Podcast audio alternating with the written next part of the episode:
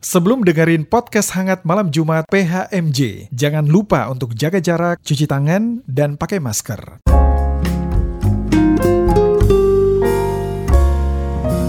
Podcast Hangat Malam Jumat. Selamat malam Sobat Hangat, kita kembali lagi nih di Podcast Hangat Malam Jumat. Nggak terasa nih ya, kita sudah di episode 99. Kalau bahasa orang yang main game kartu tuh, udah QQ ya Sobat Hangat. Wah, udah banyak banget ya, nggak terasa perjalanan Podcast Hangat Malam Jumat sudah sejauh ini. Oh iya, sebelumnya kita mau ingetin terus nih untuk tetap jaga terus protokol kesehatan dan lengkapi vaksin Sobat Hangat ya bagi yang belum. Nah, Sobat Hangat, di episode 99 kita bakal ngebahas tentang salah satu penyakit nih yang tampaknya emang banyak juga yang pengidap dan tidak mengenai usi tidak mengenal usia loh. Ya, benar banget diabetes. Mungkin sekarang sobat hangat yang dengerin punya orang terdekat dengan kondisi diabetes atau sedang aware banget nih sama kondisi ini. Pas banget dong ya obrolan kita sekarang ini. Tentu saja kalau kita ngomongin tentang masalah kesehatan, pastinya kita ditemenin lagi nih bareng sama dokter Damar. Halo dokter Damar, apa kabar? Halo, apa kabar, Dek? Baik, saya kabarnya hari ini kita juga semuanya dalam keadaan baik, puji Tuhan. Nggak ketinggalan juga nih sama Ibu Pendeta Dina Haba yang nemenin kita di sini.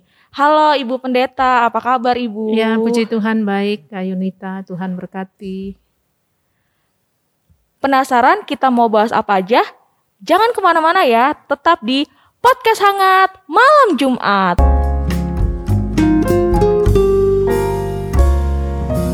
Podcast Hangat Malam Jumat. Masih di podcast hangat malam Jumat. Kita bakal ngebahas tentang diabetes nih bareng sama dokter Damar. Selama ini kan masyarakat tahu diabetes itu sebagai penyakit gula atau kencing manis nih. Tapi sebenarnya diabetes itu penyakit apa sih dok? Oke baik Yunita. Jadi uh, kalau dari asal katanya sendiri, diabetes mellitus, diabetes mellitus itu berasal dari bahasa Yunani yang berarti dari kata diabetes yang artinya pancuran dan mellitus yang dari kata gula artinya. Jadi kalau diabetes mellitus kalau kita artikan secara harfiah itu memang pancuran gula gitu. Jadi uh, kalau bahasa Indonesia-nya ya kencing manis gitu ya. Ya memang uh, diabetes mellitus ini adalah sebuah kondisi di mana kadar gula atau kadar glukosa di dalam darah itu sangat tinggi yang tentunya sangat berbahaya bagi tubuh karena apabila kadar gula darah terlalu tinggi maka ia dapat eh, merusak kondisi organ-organ yang ada di dalam tubuh seperti itu. Oh gitu ya dok ya. Dari nama lainnya aja, nih berarti penyakit ini disebabkan oleh konsumsi gula ya dok? Atau apakah ada penyebab lainnya? Ya, eh, ke terlalu banyak mengkonsumsi gula itu hanya salah satu penyebabnya. Seperti yang kita ketahui tadi karena kadar glukosa dalam darah yang tinggi itu pasti disebabkan oleh kalau kita mengkonsumsi banyak gula. Tetapi sebenarnya di dalam tubuh kita sendiri itu sudah ada sebuah sistem yang diciptakan oleh Tuhan untuk mengontrol kadar gula dalam darah tersebut, yaitu adalah pankreas. Pankreas dia akan menghasilkan hormon insulin sehingga apabila ada gula di dalam darah yang terlalu tinggi, maka hormon insulin ini akan memasukkan si gula darah si gula yang dalam darah tersebut ke dalam jaringan atau sel-sel di dalam tubuh kita sehingga kadar gula dalam darah bisa turun. Nah, yang menjadi masalah adalah apabila kadar insulin ini tidak bisa bekerja dengan baik atau bahkan pankreas tidak menghasilkan insulin dengan baik, maka ya tentunya gula dalam darah tetap tinggi. Nah, inilah yang menyebabkan kondisi diabetes tersebut seperti itu. Kalau tidak salah, diabetes ini ada be ada beberapa macam ya dok. Seperti diabetes tipe 1 dan tipe 2. Diabetes gestasional, pradiabetes, itu bedanya apa aja ya dok? Dan yang paling bahaya itu yang mana? Oke, jadi tadi seperti yang saya bilang, kalau misalnya kita bicara dengan, tentang penyebab diabetes, itu penyebabnya karena kadar gula dalam darah tinggi, karena penyebabnya ada hormon insulin yang tidak bekerja dengan baik, atau memang pankreasnya yang menyebab, eh, tidak menghasilkan hormon insulin tersebut. Nah, penye- kalau misalnya kita bicara tentang tipe-tipenya, ini eh, kita bisa membedakan apa namanya penyebab dari eh, asal mula kondisi penyakit ini terjadi. Kalau diabetes tipe 1 itu terjadi kalau misalnya tubuh itu eh, menyerang si horm, eh, kelenjar pankreasnya sehingga sejak kecil si orang yang memiliki diabetes tipe 1 ini tidak bisa menghasilkan hormon insulin dengan baik. Seperti itu sehingga sejak kecil pun eh, hormon insulinnya tidak terproduksi dengan baik sehingga dia bisa menjadi diabetes. Itulah sebabnya pada penyakit diabetes tipe 1 itu biasanya dialami oleh anak-anak. Jadi sejak kecil anak-anak ini sudah memerlukan bantuan hormon insulin dari luar dengan melalui suntikan. Nah, kalau diabetes tipe 2 itu adalah kondisi yang terjadi ketika eh, seseorang mengkonsumsi gula darah gula terlalu tinggi, terlalu banyak sehingga lama kelamaan karena gula konsumsinya terlalu tinggi, akhirnya pankreasnya capek. Pankreasnya capek, hormon insulin yang dihasilkan tidak bisa eh, apa namanya tidak bisa memenuhi kebutuhan tubuhnya sehingga lama-lama kondisi pankreasnya akan menurun hormon insulin pun juga akan menurun sehingga pada akhirnya timbullah kondisi diabetes ini seperti itu. Jadi kalau diabetes tipe 2 itu sangat dipengaruhi biasanya karena pola hidup dan biasanya dialami oleh eh, dewasa muda bahkan sampai lanjut usia. Nah kalau gestasional itu adalah kondisi diabetes yang dialami pada ibu hamil. Jadi sebelum hamil biasanya ibu-ibu ini tidak ada diabetes. Tapi ketika dia sedang hamil karena terjadi perubahan hormon, kan ketika seorang perempuan hamil kan pasti terjadi perubahan hormon ya. Iya benar. Nah, itu bisa menyebabkan kadar gula dalam darahnya naik. Itulah kenapa ketika dia sedang hamil, biasanya dia mengalami diabetes sesaat pada saat hamil itu saja. Tapi ketika dia sudah melahirkan, maka kondisi akan kembali normal seperti itu. Nah, kalau prediabetes itu apa? Prediabetes itu adalah sebuah kondisi di mana seseorang sudah memiliki warning. Warning ketika ketika dia periksa gula, kadar gula dalam darahnya itu sudah mulai naik. Tetapi sudah eh, tapi belum eh, apa namanya? belum melebihi ambang batas kondisi seseorang di mana dia sudah dikatakan diabetes. Kalau misalnya kita bicara tentang diabetes itu, kita melihat kalau dia kondisi gula darah eh, sewaktu, jadi ketika tanpa puasa ya, itu di atas 200. Nah, kalau misalnya dia kondisinya masih 100 sekitar 130-an ke atas, itu sebenarnya sudah bisa dikatakan prediabetes. Tapi kalau misalnya gula darah puasanya itu sekitar 100 sampai 120 batasannya, kalau itu 120 sudah diabetes itu juga bisa dikatakan prediabetes. Seperti itu. Jadi belum diabetes tapi sudah warning nih. Oh ini ada gejala nih mau ke arah sana. Seperti itu. Eh, berarti kalau misalnya diabetes gestasional ini cuman bisa dialami oleh ibu hamil. Kalau misalnya s- orang-orang misalnya kayak cowok itu berarti nggak bisa kena diabetes yang ini nih, yang Gestasional. gestasional ini. Betul, ya. Karena hanya dialami pada saat se- seorang sedang hamil seperti itu. Oh, seperti itu. Eh, ada juga nih yang bilang diabetes basah dan diabetes kering. Kalau itu maksudnya seperti apa ya, Dok? Ya sebenarnya kalau di dunia kedokteran itu nggak ada ya istilah diabetes basah, diabetes kering. Cuma memang orang awam itu eh, melihat kalau ketika seseorang terkena diabetes pasti akan ada resiko terjadi timbulnya luka. Nah ketika luka itu kan ketika orang sedang mengalami diabetes itu gula darah terlalu tinggi. Akibatnya apa? Akibatnya ketika dia luka maka kondisi luka tersebut sangat banyak mengandung gula. Nah, kondisi gula yang ada terlalu tinggi di dalam luka ini, dia akan memancing eh, bakteri-bakteri yang ada di sekitarnya untuk berpesta pora di situ. Itulah kenapa infeksi sangat mudah terjadi. Nah, kalau misalnya gula darahnya, kondisi pembuluh darahnya masih bagus di sekitar luka tersebut, otomatis gula di luka tersebut akan makin tinggi. Akibatnya apa? Akibatnya eh, luka tersebut akan sangat mudah membusuk. Itulah yang disebabkan eh, sebutnya luka basah. Tapi ada juga ketika seseorang itu mengalami eh, luk apa namanya gula darah yang terlalu tinggi akan terjadi gangguan pembuluh darah. Gangguan pembuluh darah ini menyebabkan kerusakan pembuluh darah sehingga aliran darah ke suatu jaringan atau bahkan ke ujung pembuluh darah tersebut mengalami gangguan sehingga terjadi eh, penyumbatan pembuluh darah. Itulah yang menyebabkan luka di sekitar eh, luka di ujung dari pembuluh darah yang rusak tersebut itu tidak mendapatkan aliran darah dengan baik sehingga terjadi luka tetapi lukanya itu kering. Nah itulah yang menyebabkan eh, sebutan orang-orang eh, apa namanya gula kering. Kering. Meskipun memang sebenarnya nggak ada tuh gula diabetes basah, diabetes kering, Kering. tidak ada. Tapi sebenarnya itu hanya karena penampakan dari luar saja sebenarnya. Tergantung dari bagaimana kondisi pembuluh darah di sekitar luka tersebut seperti itu.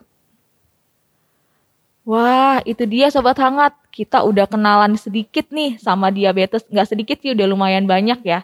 Jangan ke mana-mana dulu ya, kita masih mau bahas lebih lanjut. Tetap di Podcast Hangat Malam Jumat.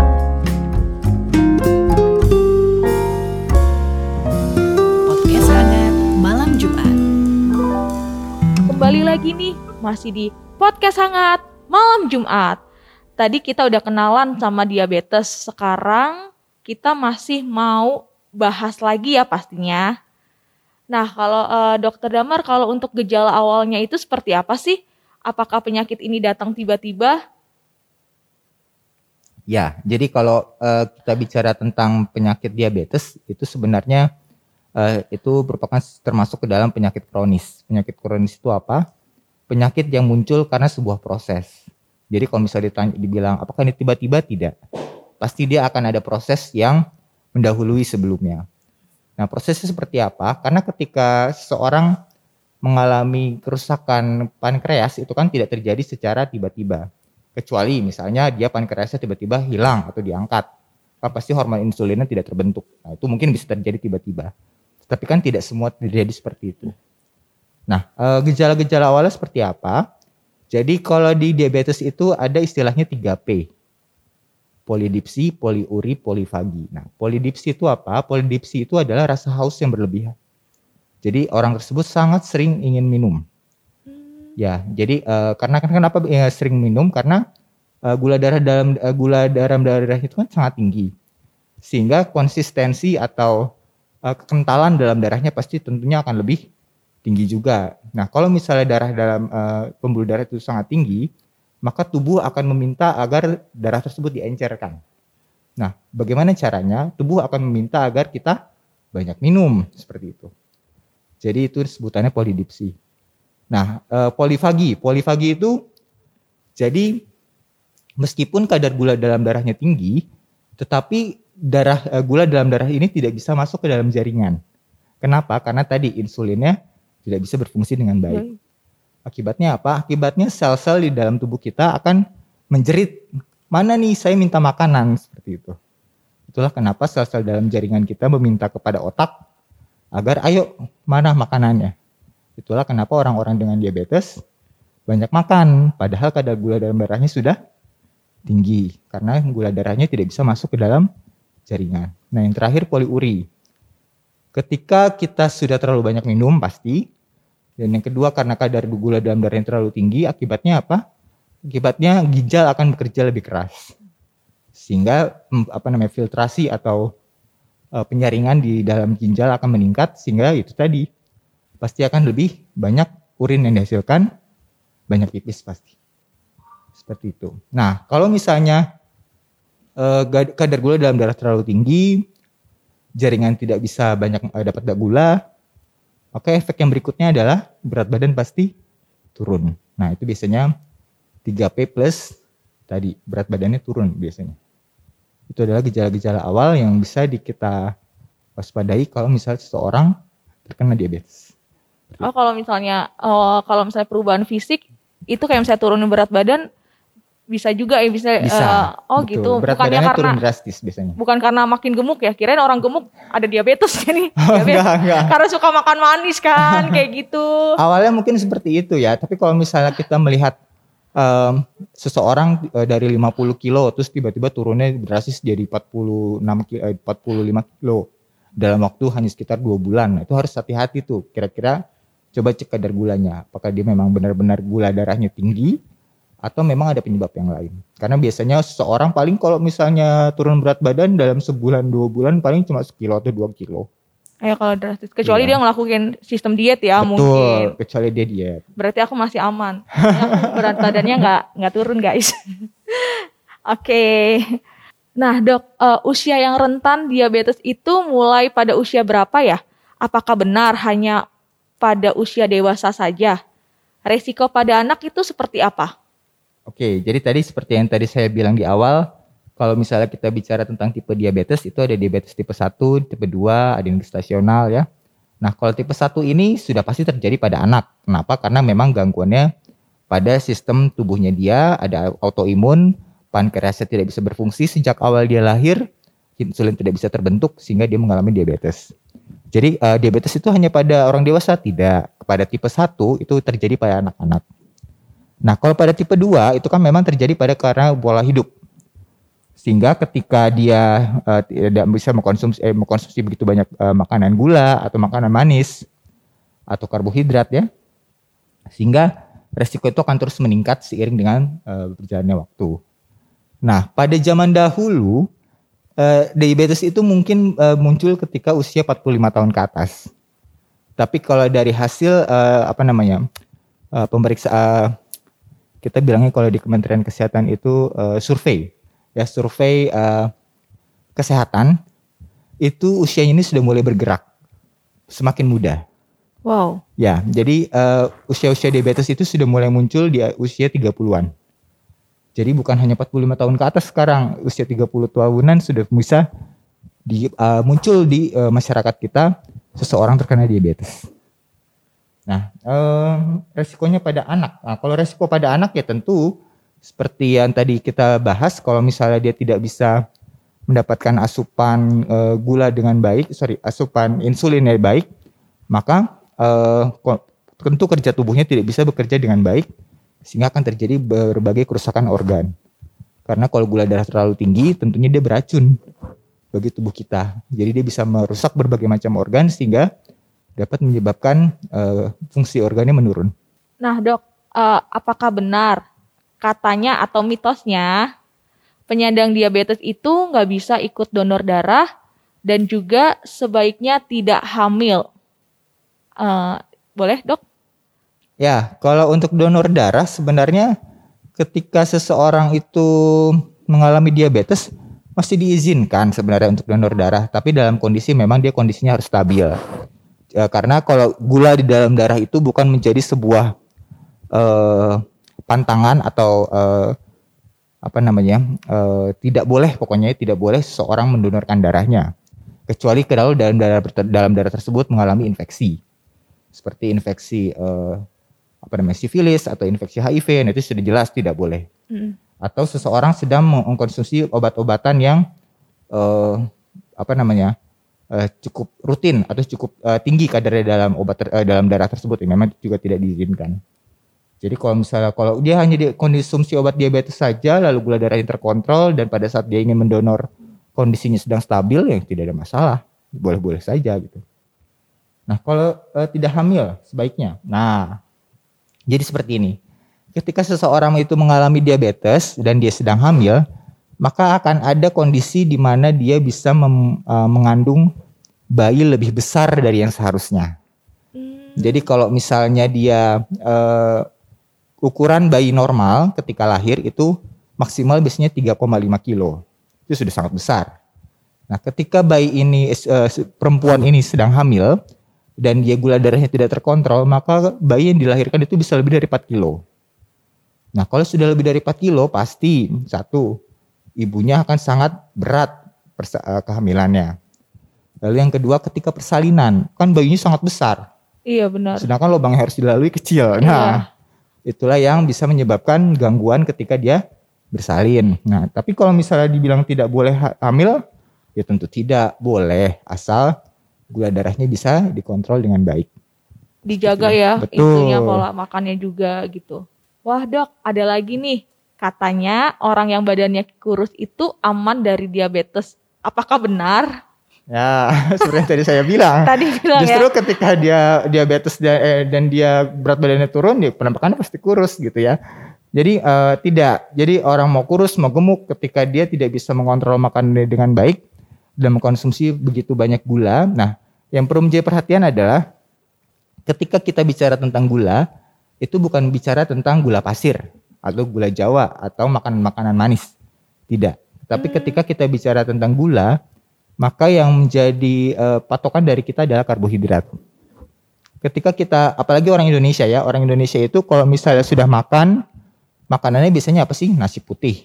Iya. Lauknya mie goreng. Pakai apa? Pakai kentang balado misalnya. Kalau misalnya ditumpeng. Nasi Padang nih enak. Ya, itu karbohidrat semua dan karbohidrat itu adalah sumber gula. Jadi kalau misalnya makanannya tidak seimbang seperti itu, ya jelas pasti kadar gula dalam darahnya akan tinggi.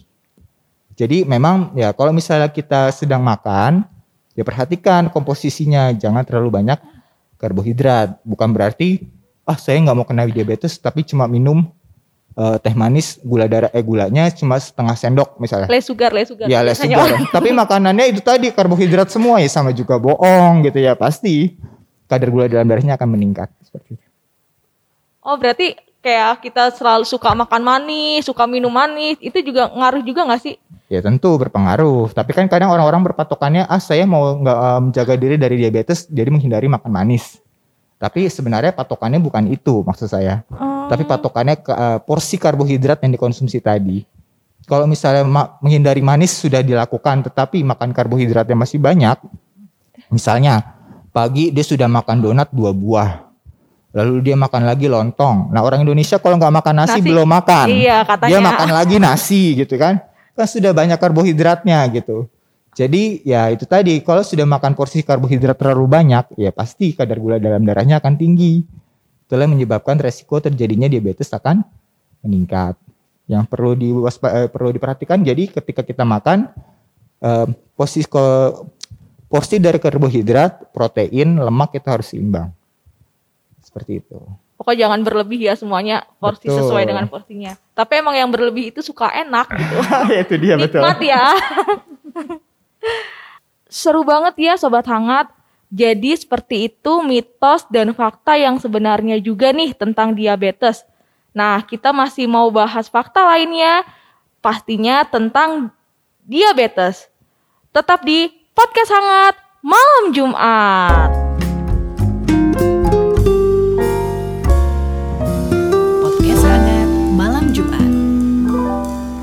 Balik lagi nih di podcast hangat malam Jumat. Kita masih bakal lanjut ngobrol tentang diabetes nih. Aku mau nanya nih dok, kalau kita sudah terkena diabetes, apakah masih ada harapan untuk sembuh?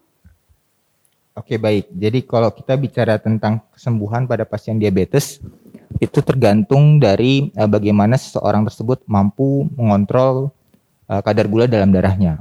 Jadi eh, sebenarnya sih kalau eh, diabetes itu kalau dalam dunia kedokteran tidak ada oh seorang ini sudah sembuh, tidak ada. Tetapi orang ini sudah terkontrol, gitu. Jadi memang eh, ketika seseorang terkena dia, eh, terdiagnosis diabetes, maka eh, diagnosis tersebut akan melekat seumur hidupnya.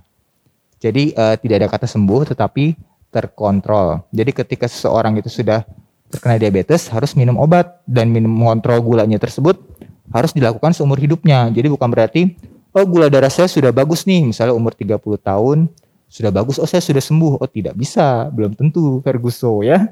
Jadi harus tetap dikontrol gula darahnya karena memang ketika dia tidak mengontrol gula darahnya maka pasti gula darah tersebut akan naik kembali. Seperti itu. Oh berarti kalau misalnya orang itu udah, maksudnya kayak udah terkontrol nih eh, diabetesnya gitu, itu dia udah nggak perlu obat lagi atau tetap eh, perlu obat, tap, eh maksudnya tetap perlu obat atau enggak gitu? Atau dia hanya eh, jaga pola makan aja, jadi obat-obatan udah nggak usah lagi gitu? Ya. Nah ini eh, mungkin ke pertanyaan yang berikutnya juga ya. Kalau misalnya pengobatannya seperti apa gitu ya. Oh iya benar. Nah jadi sebenarnya kalau misalnya kita bicara tentang pengobatan pada diabetes itu tergantung dari eh, seberapa tinggi kadar gula dalam darahnya. Kalau misalnya kadar gula dalam darahnya naiknya masih sekitar ya mungkin kalau tadi kan eh, disebut diabetes kalau gula darahnya itu di atas 200. Tapi kalau misalnya dia gula darahnya masih 250 ke bawah misalnya atau ya paling tinggi 300 lah. Dan dia bisa sebenarnya eh, yang paling utama itu pengobatan diabetes adalah satu jaga pola makan. Dan yang kedua aktivitas fisik. Yang ketiga baru obat. Nah itu jadi urutannya. Ketika seseorang sudah bisa mengontrol pola makannya dan gula darahnya turun maka dia tidak perlu obat atau misalnya eh, apa namanya makannya sudah dijaga tapi masih tinggi nih. Terus dia olahraga oh gula darahnya turun. Oke dia tidak perlu obat. Tapi kalau dia sudah jaga makan dia sudah aktivitas fisik dengan baik tapi gula darahnya tetap tinggi, barulah dokter menyarankan minum obat, seperti itu. Nah, kalau misalnya obat ini jadi harus dikonsumsi seperti apa? Kalau misalnya dia gula darahnya itu sudah mengontrol makanan, sudah aktivitas fisik, lalu dia minum obat dan gula darahnya itu stabil, dan obatnya ini mau dilepas, boleh saja, asal ketika dia melepas obatnya, gula darahnya harus tetap stabil. Tapi kalau misalnya dilepas obatnya dia tetap naik lagi gula darahnya, maka harus minum kembali seperti itu. Jadi eh, tidak saklek kalau misalnya kita bicara tentang dunia medis atau kedokteran itu art. Jadi ketika seseorang sudah divonis eh, harus minum obat seumur hidup. Nah, bukan berarti dia harus minum obat obatnya itu itu aja dari awal dia sakit sampai dia meninggal misalnya. Mm-mm. Tidak, tapi harus melihat dari kondisi tubuh seseorang tersebut. Kalau misalnya dia sudah bagus gula darahnya dan dia bisa di stop obatnya, ya sudah bisa di stop seperti itu. Tapi tetap harus dikontrol secara rutin seperti itu ya. Tapi emang terkadang orang suka bandel ya dok, maksudnya kayak eh ya udah minum eh, kalau misalnya udah kamu baru minum obat, kalau udah kamu baru minum obat. Kadang Nah. juga juga kan, maksudnya kayak tadi kan katanya dokter yang ketiga itu obat, tapi terkadang orang tuh yang penting minum obat bisa nih, pasti sembuh nih. Ya, mungkin seperti itu eh, kan. orang Indonesia itu kebalik justru. Iya benar. arahan dari arahan dari eh, perhimpunan penyakit dalam itu seperti tadi urutannya. Jaga pola makan, aktivitas fisik, baru yang ketiga minum obat. Tapi orang Indonesia kebalik, Benar. minum obat dulu yang utama, baru dia jaga pola makan. Jadi kalau misalnya dia minum obat, pola makannya suka-sukanya, nah itu yang harus kita perhatikan. Karena kalau misalnya kan sebenarnya eh, dokter-dokter di Indonesia itu kadang berpikirnya seperti itu. Karena memang kita ini agak sedikit eh, sulit untuk mengubah gaya hidup. Apalagi di tengah masyarakat kita kan memang sudah terlalu banyak karbohidrat ya. Apalagi itu tadi kebiasaan nggak makan nasi nggak makan gitu ya. Nah padahal kan memang nggak tentu seperti itu. Kalau sudah banyak makan nasi, eh sudah banyak makan kue, ya sudah itu sudah karbohidrat sebenarnya. Tidak perlu makan makanan yang lain. Tapi kalau misalnya orang Indonesia, "Bu, saya belum makan nasi, belum makan saya, padahal sudah makan kue tadi, padahal makan kuenya juga lima biji misalnya. Ya itu kan sudah makan juga gitu. Nah itu menjadi masalah. Itulah kenapa kalau misalnya gula darah tidak terkontrol, ya pasti kita biasanya langsung kasih obat. Kalau misalnya orang tersebut tidak bisa dirasa atau dinilai oleh dokter, menjaga pola makannya seperti itu.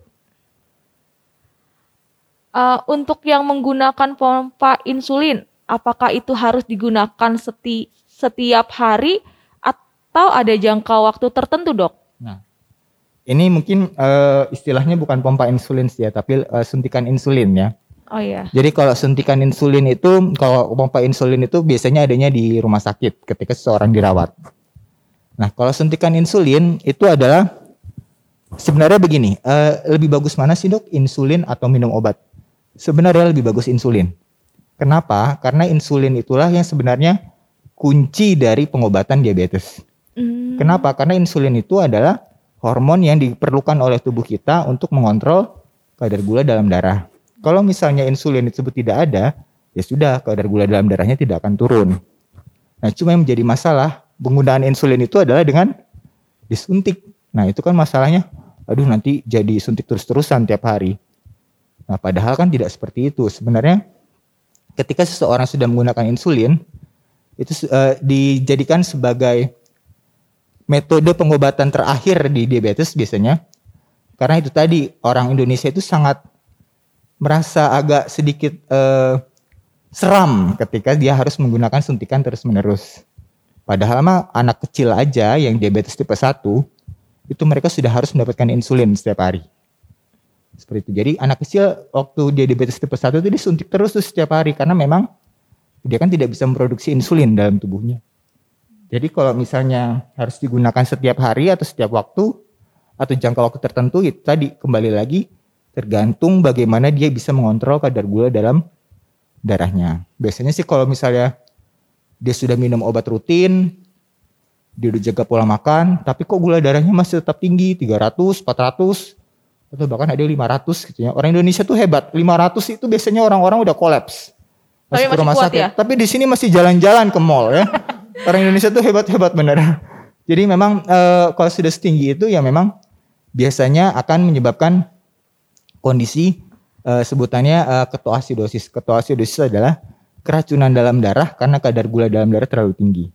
Itu bisa menyebabkan penurunan kesadaran, lalu dia masuk apa namanya ke IGD gitu ya. Nah, tapi kalau misalnya kadar gula dalam darah terlalu tinggi, sudah minum obat yang oral atau minum obat minum biasa secara rutin tidak membantu, jadi bisa pakai insulin seperti itu.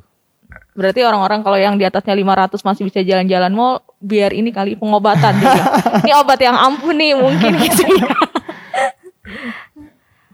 Nah dok, eh, bagi yang belum terkena diabetes, bagaimana cara mengetahui dan mencegahnya? Oke. Eh, bagaimana cara mengetahuinya? Sebenarnya cara mengetahuinya itu hanya satu. Cek gula darah, ya. Jadi eh, ketika seseorang sudah eh, merasa kok saya makannya kok nggak bener ya, atau yang paling mudah itu adalah ketika dia sudah memiliki riwayat penyakit keluarga diabetes. Kenapa? Karena ketika seseorang sudah memiliki riwayat penyakit keluarga diabetes, itu ada istilahnya seperti eh, sebenarnya ini tidak diturunkan sih, tetapi memiliki resiko ya ketika dia sudah ada riwayat keluarga yang eh, punya diabetes entah itu kakeknya atau orang tuanya ya, eh, maka dia akan memiliki resiko untuk memiliki diabetes lebih tinggi daripada orang-orang di sekitarnya yang tidak punya riwayat keluarga. Jadi ketika dia sudah punya riwayat keluarga, dia sudah makan yang nggak benar, misalnya banyak makan manis, coba deh cek gula darahnya sekali-sekali. Kenapa? Karena diabetes itu pada awalnya tidak ada gejalanya. Orang bisa tetap sehat, tetap bugar, tetap bisa jalan ke mana-mana, tetapi ketika diperiksa gula darahnya 300. Karena memang diabetes itu eh, dia pembunuh pelan-pelan. Sama halnya seperti darah tinggi.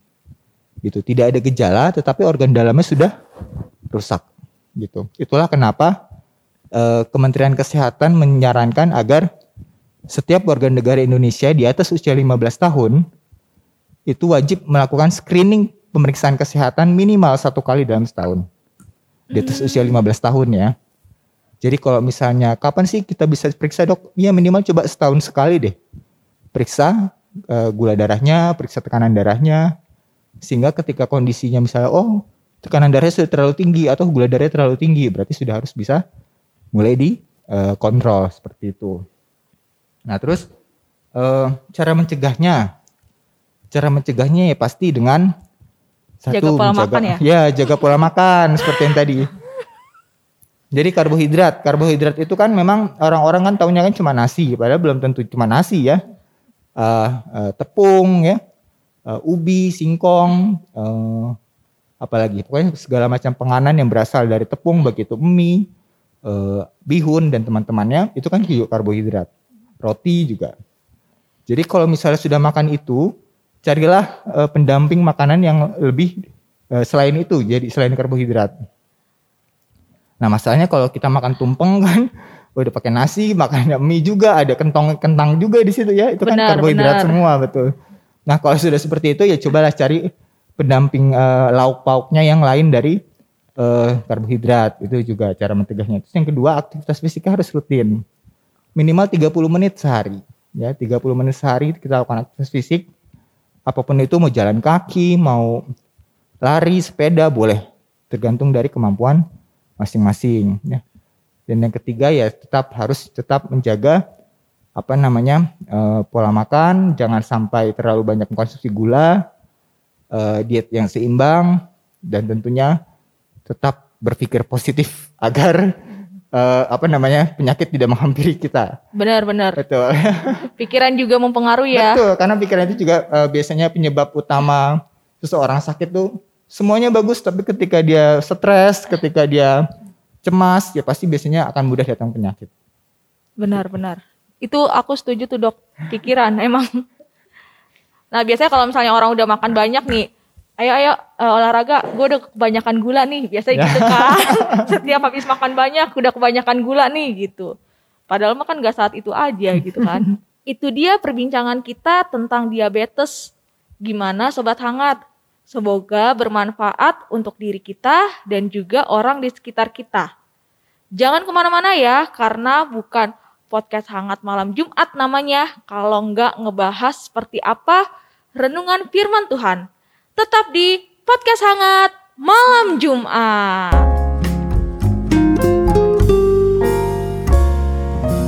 Podcast hangat malam Jumat.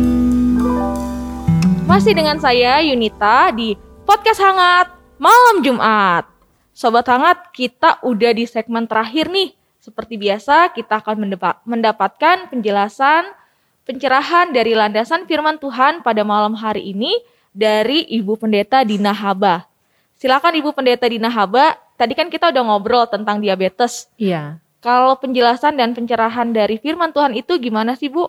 Ya, uh, saya berangkat dari firman Tuhan, doa Bapa kami.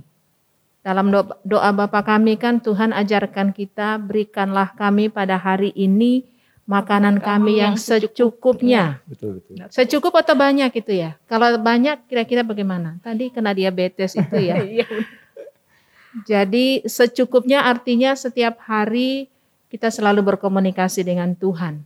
Yang menarik lagi dalam firman Tuhan kitab Kejadian pasal 1 ayat 29 bunyinya begini.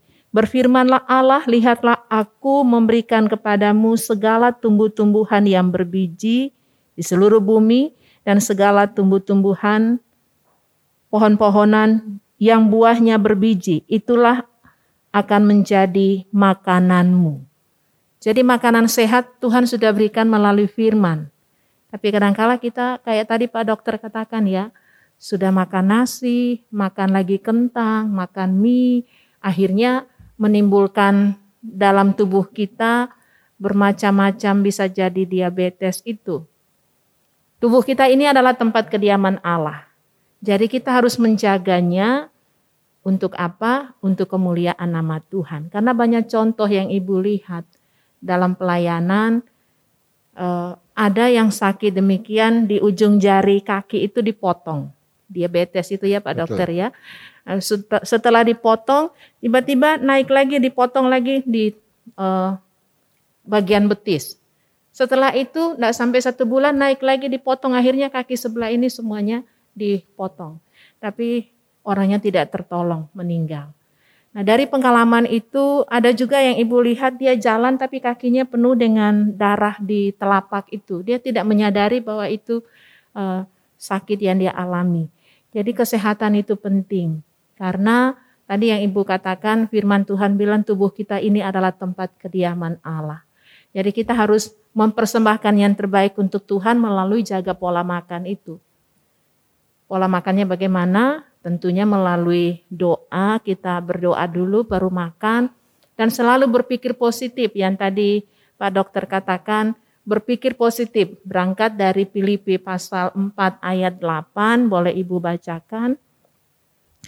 Jadi akhirnya saudara-saudara semua yang benar, semua yang mulia, semua yang adil, semua yang suci, semua yang manis, semua yang sedap didengar, semua yang disebut kebajikan dan patut dipuji, pikirkanlah semuanya itu.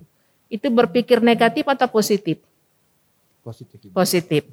Nah, berpikir positif dalam kita menjalani hidup dan kalau kita sudah terkena sakit, jangan putus asa. Tetap semangat karena firman Tuhan katakan dalam Mazmur 103, Pujilah Tuhan hai jiwaku, Pujilah namanya yang kudus hai segenap batinku, pujilah Tuhan hai jiwaku dan jangan lupakan segala kebaikan Tuhan. Bapak Ibu merasakan kebaikan Tuhan? Ya, kita masih diberikan nafas hidup, kita masih diberikan sukacita walaupun kita tahu dalam tubuh kita mungkin karena pola makan kita akhirnya menimbulkan sakit, jangan putus asa, ada kekuatan yang kita dapatkan dari Tuhan. Kembali jaga pola makan, kembali hidup sehat, olahraga, jangan lupa, dan yang paling utama mengisi hidup kita dengan firman. Karena firman Tuhan itulah kekuatan kita untuk semangat bisa sembuh. Dalam ayat 3 dari Mazmur 103 dikatakan, dia yang mengampuni segala kesalahanmu dan menyembuhkan segala penyakitmu. Kesalahan tadi pola makan itu. Yang harusnya kita makan porsinya begini, kita makan berlebihan, akhirnya tidak menjadi berkat, menjadi racun dalam tubuh kita. Enak di mulut, tapi sakit di badan. Nah itu ya, kadangkala seperti itu. Bagaimana caranya? Hati yang gembira adalah obat. Jadi kalau kita sudah terkena sakit itu jangan putus asa, semangat, bisa sembuh, tetap hati yang gembira, tetap berpikir positif. itu sukacita. Begitu? Oh iya begitu ya Bu Iya. ya. Terkadang kan ini Bu kalau misalnya orang lagi makan enak sekali-sekali, Iya, sekali-sekali tapi tinggal besok Iya. lagi juga. Oh ini sekali-sekali jarang-jarang nih makan kayak gini ya Bu. Jadinya terus-terusan gitu Bu. Iya. Karena sekali-sekali besok-besok udah nggak lagi paling kayak gitu Ah, kan di ya Bu ya. GPIB itu dikenal dengan makanan GPIB. Apa itu kira-kira kalau ucapan syukur? Pasti ada makanan itu. Bronobon. Brenebon. Ada makanan yang lain-lainnya. Nah itu.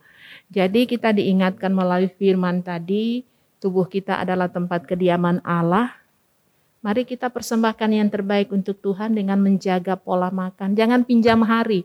Nggak apa-apa kok sedikit nanti besok saya nggak makan lagi. Padahal kalau sudah ada, tanpa disadari kita mulai makan itu. Mari kita kembali pada firman Tuhan menjaga kesehatan kita supaya hidup ini diberikan yang terbaik untuk kemuliaan nama Tuhan. Bener Bu, karena Tuhan bilang secukupnya ya Bu ya, bukan berlebih. Jadi ingat ya eh, sobat hangat, Tuhan maunya makanan secukupnya gitu. Cukup nasi, cukup Indomie enggak ya Bu ya? cukup yang Cukup karbohidrat. iya, cukup Kalau kita dengarkan nasihat dari Pak Dokter tadi, maka kita akan sehat. benar Bu. Secara jasmani, rohani kita juga harus sehat dengan berpikir positif berdasarkan firman tadi. Oke. Nah, sobat hangat, itu dia obrolan kita tentang diabetes. Semoga bermanfaat ya buat sobat hangat. Selain bisa pengetahu menambah pengetahuan, semoga bisa menambah kesadaran juga nih terhadap diri sendiri serta orang terkasih kita. Kalau misalnya sobat hangat mungkin mau membahas tentang isu kesehatan lai- lainnya, juga boleh banget mungkin disampaikan ke kakak-kakak tim podcast Hangat Malam Jumat langsung nih. Terima kasih untuk Dokter Damar. Sama-sama Yunita. Eh, Dokter Damar ini katek angkatan aku cie, kita satu angkatan nih, katek. Katek 2009 Bu. Emang kalau katek angkatan 2019 eh 2009 tuh oke-oke Bu. Puji ada yang jadi dokter, terus ada yang jadi ibu rumah tangga kan gue ibu rumah tangga. Kita harus eh, bersyukur atas apa pun keadaan kita.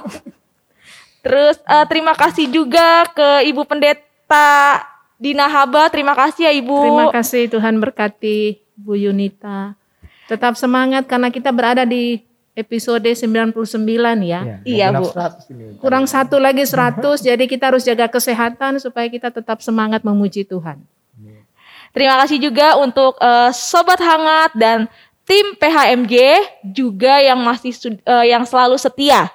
Jaga terus kesehatan kita dan sampai ketemu lagi di episode selanjutnya. Tetap di podcast hangat malam, Malam Jumat.